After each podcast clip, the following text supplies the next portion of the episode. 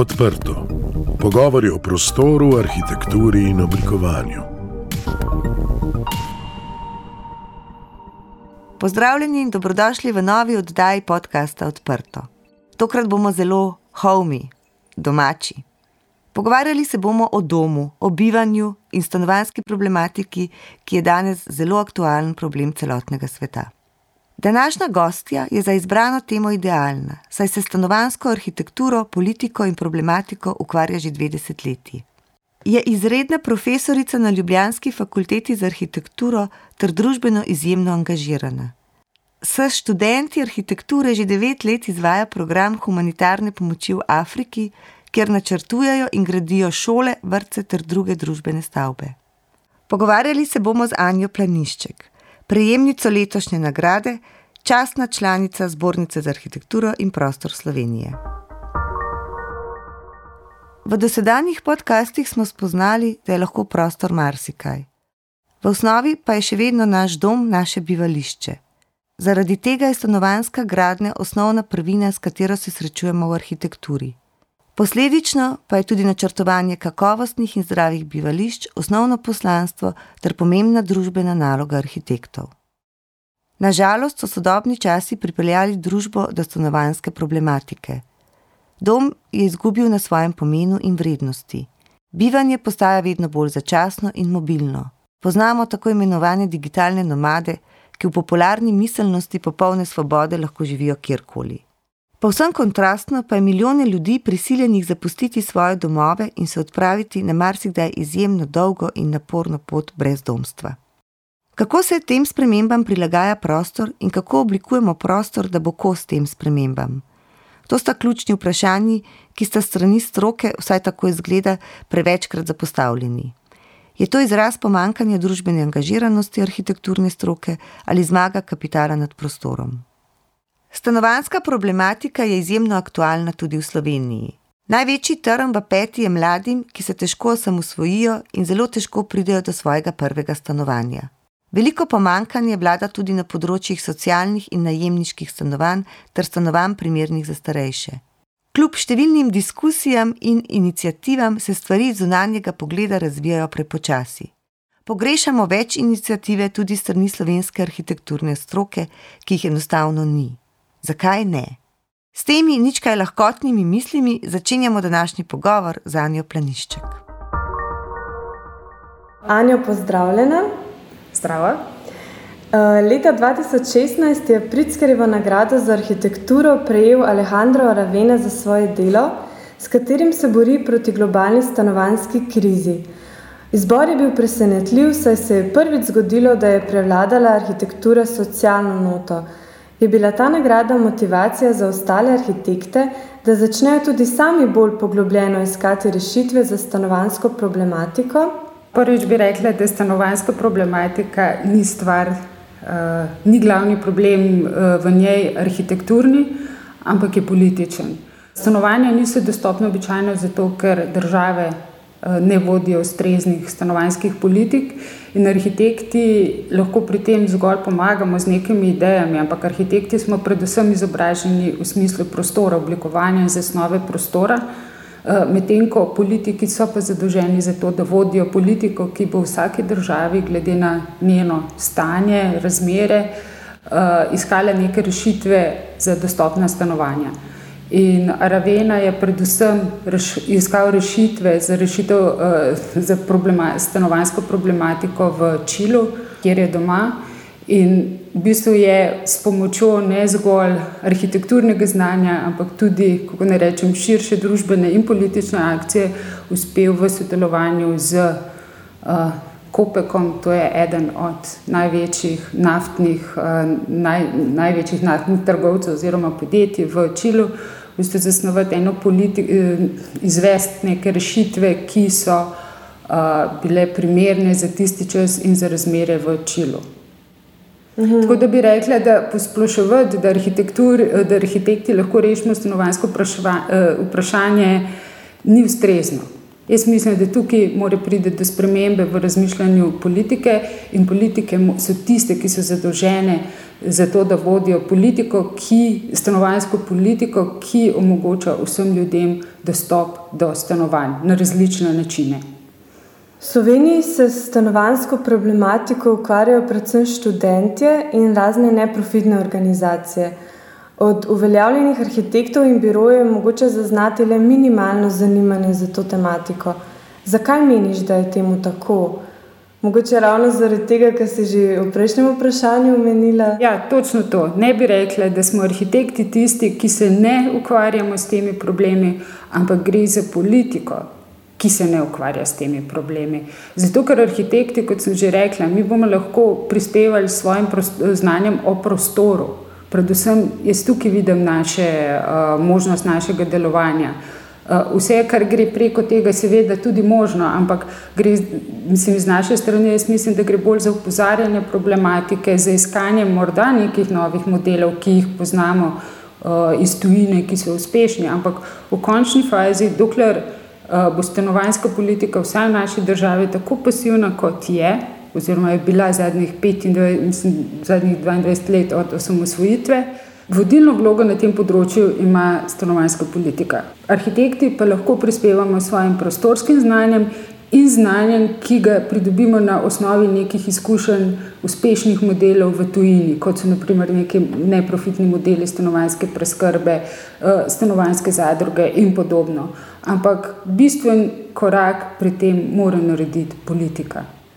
Po celotni državi je vzniknilo že kar nekaj pobud za ustanovitev stanovanjskih zadrug. Tudi sama si upletena v te inicijative. Ali lahko mogoče na kratko opišeš, za kakšen koncept gre? Uh, stanovanske zadruge uh, so v bistvu model, vsaj ta, za kateri si prizadevamo uvedbo v zadrugatorju, gre za model najemnega stanovanskega zadružništva. Se pravi, da gre za inicijativo uh, skupnosti ljudi, ki se združi v zadrugo in ki na skupnosten način, se pravi kolektivno, reši stanovanjski problem. Ampak gre za v bistvu zasebno uh, inicijativo, ki pa v sodelovanju za javno podporo, javno podporo po obliki bodi si dostopnosti do zemljišč, do odgodnih kreditov, do uh, um, poroštev in tako naprej, zagotavlja, da ta zadruga lahko uh, zgradi stanovanja, ki jih potem oddaja po dostopni najemnini. Se pravi, najemnini, ki je osnovana ne na profitu, ampak na oplačilu dejanskih stroškov, ki, so, uh, ki nastanejo z gradnjo in vzdrževanjem stavbe. Pravi, to na kratko bi bil uh, ta model, gre pa v bistvu res za. Pri tem mora biti vzpostavljeno tesno sodelovanje z javnim sektorjem in zasebnim. Ne? Ker zadruga v končni fazi dejansko prihaja kot inicijativa iz zasebne uh, strani. Zakaj meniš, da se stvari premikajo počasi, no? če se ne vem, kakšen občutek imate vi? Ampak zakaj se mogoče takšen koncept pri nas ni še močneje uveljavil? S kakšnimi težavami se vi uh, srečujete pri tem? Predvsem je to stanje v Sloveniji neudržno, zato ker je stanovanjska politika osredotočena na lastništvo. Se pravi, na zgolj en tip stanovanjske preskrbe. Najem je potisnjen popolnoma na obrobje, in uh, vse, kar se tiče tržnega najema, uh, ki ne dosega niti 2% stanovanj, uh, je potem z uvedbo spletnih platform v bistvu postal to vrstni najem še bolj nedosegljiv večini ljudi. Po drugi strani skladi, ki so zadolženi za gradnjo neprofitnih najemnih stanovanj, ne zgradijo dovolj stanovanj in dejansko je stanje izjemno slabo. Zato, ker do lasniških stanovanj, se pravi do nakupe stanovanj, ko se danes, ko se gradi premalo, ljudje enostavno ne morejo več dostopati. Se pravi, na eni strani imamo problem ljudi, ki ne uspejo, ne zmorejo kupiti stanovanja, In na drugi strani se pa glede na to, da imamo izjemno, kako ne rečem, nizko gradno, mislim, nizko gradno v smislu števila zgrajenih stanovanj, produkcije. produkcije. Na drugi strani imamo pa izjemno stara stanovanja. Se ima manj novih stanovanj, izjemno stara stanovanja, ki so bile zgrajena večinoma v času socializma. In veliko ljudi, ki pa je lasnikov teh stanovanj, se danes ob vse nižjih pokojninah sooča pa z problemom vzdrževanja teh stanovanj. Se pravi, imamo vrsto uh, problemov, ki uh, izvirajo iz uh, nedovoljšne akcije politike na področju stanovanjske oskrbe. Se pravi, medtem ko drastično primankuje nekih dostopnih stanovanj, se gradi pretežno luksuzna stanovanja.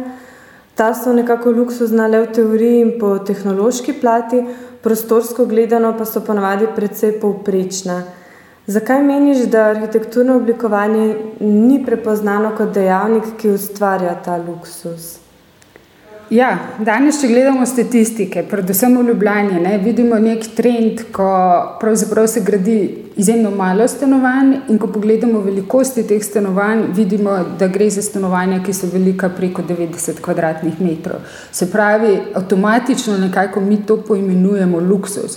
Čeprav ne gre niti za luksuzno, kako naj rečem. Um, bogato oblikovanje prostorov, gre pa vsekakor za to, da so običajno ta stanovanja grajena na dobrih lokacijah. In že iz tega vidika, developerji, večinoma gre za zasebne, uh, zasebne investitorske podjetja, špekulativno nastavljajo visoke cene, ker stanovanje je še vedno premalo, uh, mislim, se jih gradi premalo. Jaz mislim, da v naslednjih dveh letih uh, se jih bo zgradilo precej več, vsaj v Ljubljani. Cena verjetno se bo nekoliko um, uravnotežila, ampak glede na potrebe to še vedno ne bo dovolj. Ampak, v glavnem, ko govorimo o luksuzu, tukaj ne govorimo o prostorskem luksuzu, ampak jaz bi rekla čisto špekulativnem luksuzu, mm. ki ga pač pogojuje to, da se stanovanj zgradi premalo in da te, ki se zgradijo, se zgradijo na lokacijah, ki so centralne, ki so drage in pri katerih v bistvu imajo profit predvsem uh, investitorji. Ker niti težko govorimo, tudi ne vem, če gledamo, uh, kar me pravzaprav precej zjezi, ko gledam, ne, iz česa, iz katerih materijalov se te gradnje gradijo, večinoma gre za beton. In če danes razmišljamo v današnjem času o gradnji iz betona, mislim, da je to predvsem um, nek izraz nespoštovanja okoljskih in nerazumevanja okoljskih sprememb, ki se dogajajo. Moramo vedeti, da pač beton je en izmed gradbenih materijalov, ki najbolj onesnažuje okolje.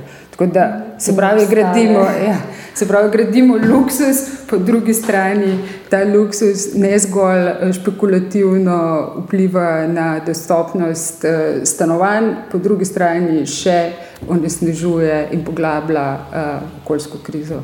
Ja, in ne na zadnje bi tudi neka arhitek arhitekturna kvaliteta prostora mogla biti uporabljena tudi za socialna stanovanja, ne, ne samo za neka nadstandardna, elitna stanovanja, ampak za vse uh, ljudi. Ja, seveda, jaz mislim, da dostopne stanovanja, kakovostne stanovanja, morajo biti dostopna vsakomor.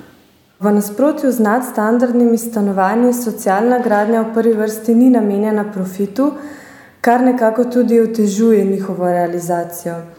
So se pri financiranju socialnih gradenj razvili kakšni novi finančni modeli, kako to deluje na projektih, ki jih izvajate v Afriki? Moramo vedeti, da gre za zelo različne stvari. To, kar delamo študenti iz fakultete za arhitekturo v um, raznih afriških državah, v tem primeru gre za razvojno uh, sodelovanje in humanitarno pomoč. In socialni projekti v, kako naj rečem, v našem okolju, v Sloveniji ali pa v Evropi, ali pa recimo temu v bolj razvitem ali bogatejšem delu sveta, so pa načrtovani drugače. Tako da jaz bi tukaj rada ločila dve stvari, dve, dve vrsti projektov, ki, niso, uh, ki nista enaki. Za, za financiranje uh, projektov, razvojni, razvojnih projektov in uh, humanitarne pomoči obstajajo fondi, mednarodni fondi. Predpogoj tega pa je milenijska deklaracija in zaveza eh, članic organizacij, eh, organizacije Združenih narodov, da prispevajo k reševanju eh, problemov v revnejših predeljih sveta, da prispevajo določen delež bruto domačega proizvoda.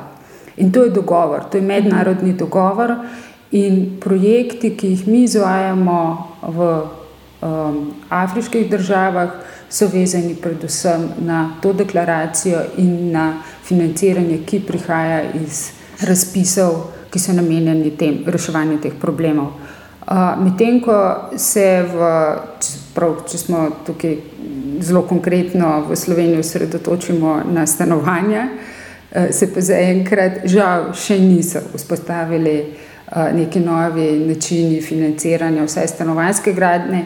Borimo se za upeljavo zadružništva, ampak tukaj gre za celosten model, ki bo, bo potreboval, jaz mislim, da par let, da se bo zagnal. Zato, ker zaenkrat ni ne finančnih mehanizmov, ne ugodnosti. Banke so relativno rigidne, slovenske so precej konzervativne, kar se tiče dajanja kreditov za stanovansko gradno, in treba bo spodbuditi dejansko politiko, da bo aktivno pristopila k temu in spodbudila tudi banke in naprimer tudi pokojninski sklad oziroma združenja, organizacije, ki imajo lasten kapital, da začnejo podpirati neprofitno naravnano stanovansko gradno. Bi mogoče izpostavila um, tako kakšen projekt iz tujine ali pa kakšen način, kako v tujini se tega lotevajo? Ja, tukaj sta dva modela, katere se, iz katerih se poskušamo učiti. Seveda, Dunajski model s stoletno tradicijo je nekakšen vzor stanovanjskih politik v Evropi. Potem je tukaj švicarski model stanovanjskih zadrug, ki je izjemno uspešen. V Švici namreč zauzema neprofitna najemna stanovanjska, stanovanjsko zadružništvo, zauzema skoraj četrtino stanovanj in stanovanjske preskrbe. Kot tretji primer, mogoče zdaj, ki se v zadnjih letih vzpostavlja z socialistično vlado v Barceloni, je pa tudi stanovanjska politika mesta Barcelone, ki je začela izjemno aktivno posegati na to področje z vzpostavljanjem stanovanjskih zadrug in drugih neprofitnih oblik stanovanjske preskrbe. Projekt Streha za vse, kjer se ukvarjate z izboljšanjem življenja v nerazvitih predelih sveta in gradite družbene stavbe, velja za izjemno pozitivno zgodbo. Ali ste kdaj razmišljali, da bi podobne projekte izvedli doma? Kakšne vsebine bi bile za projekte aktualne pri nas? Smo že precej delali tudi v Sloveniji, ampak kot sem rekla, projekti v Afriki so razvojno-humanitarne narave in imajo svoje zakonitosti. In velikokrat ljudje vprašajo, oziroma komentar, zakaj počnemo take stvari, je veliko krat očitek zakaj pa v Sloveniji ne počnete tega? V Sloveniji počnemo to drugače, ker ne moramo na isti način, ker niso isti problemi in v bistvu iščemo druge rešitve in druge možnosti delovanja. Je pa res, da ukolikor se osredotočimo na projekte v Afriki, so to pravzaprav eni zahtevni projekti, ki trajajo leto ali še več. In v Sloveniji smo do zdaj uspeli pomagati slovenski filantropiji nevladni organizaciji, ki se ukvarja z vrsto socialnih projektov, in za slovensko filantropijo smo skupaj z njihovimi člani, skupaj z migranti, za katere tudi oni skrbijo z raznimi aktivnostmi, smo uspeli prenoviti. Hišo na Viču, kjer zdaj ta organizacija deluje. To je bilo še v času, ko sem bila asistentka pri profesorju Vodopilcu. In dejansko smo skupaj s študenti in uh, ostalimi prostovoljci, s nekaj delovnimi akcijami, do neke mere uspeli začeti prenovo hiše, ampak dejansko so pa pri nas gradbene dela precej bolj zahtevna in vključujejo precej več uh, drugih strok. Se pravi, od instalacij, od strojnih instalacij, elektroinstalacij. Skratka, Predvsej bolj kompleksne so take tovrstne prenove in zahtevajo znanje tudi drugih strok. Zato jih enostavno študenti ne uspemo izvajati v taki meri, v kakršni bi jih radi izvajali. Po drugi strani smo pa naprimer tudi zgradili, ne zgradili, ampak recimo temu postavili um, v azilnem domu uh, na Kotnikovi ulici, smo v centru, kjer uh, so predvsem uh, moški imigranti uh, zgradili dnevno sobo, družbeni center, ki v bistvu ponudi prebivalcem uh, azilnega doma neko možnost, da se družijo, da izvajo športne aktivnosti in neke kulturne aktivnosti. In to smo študenti uspeli postaviti, mislim, da je bilo par let nazaj. Tako da ni res, da ne uh, izvajamo teh projektov v Sloveniji. Mislim, da tudi v, veliki, v, v precej drugih seminarjih na naši uh, fakulteti jih izvajajo. Um, ampak ti projekti so predvsem vezani na neko manjše merilo. Nekaj, kar študenti dejansko zmoremo v tem okolju s takimi predpisi, ki veljajo uh, ustvariti. Poklic arhitekta je v naši družbi trenutno podcenjen. Uh, vseeno pa se nekako še vedno smatra, da je najem arhitekta nekaj prestižnega.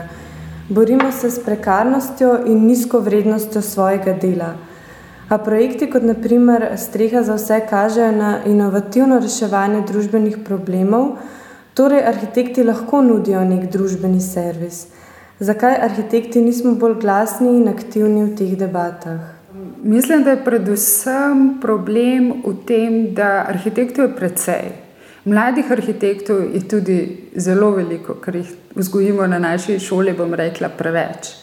Uh, in jaz mislim, da prvi pogoj za kakršno koli delovanje v družbeni smeri je, da ima mlad arhitekt ali recimo temu študent arhitekture še uh, možnost preživetja.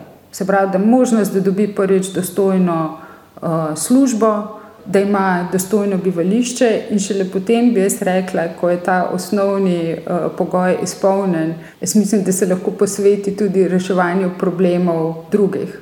Tako da bi rekla, da so te, mislim, ne bi rekla, da so mladi pri nas ali mladi študenti ali mladi diplomanti arhitekture, da se ne zavedajo družbenih problemov. Jaz mislim, da se jih, da tudi na fakulteti jih poskušamo z njimi soočati.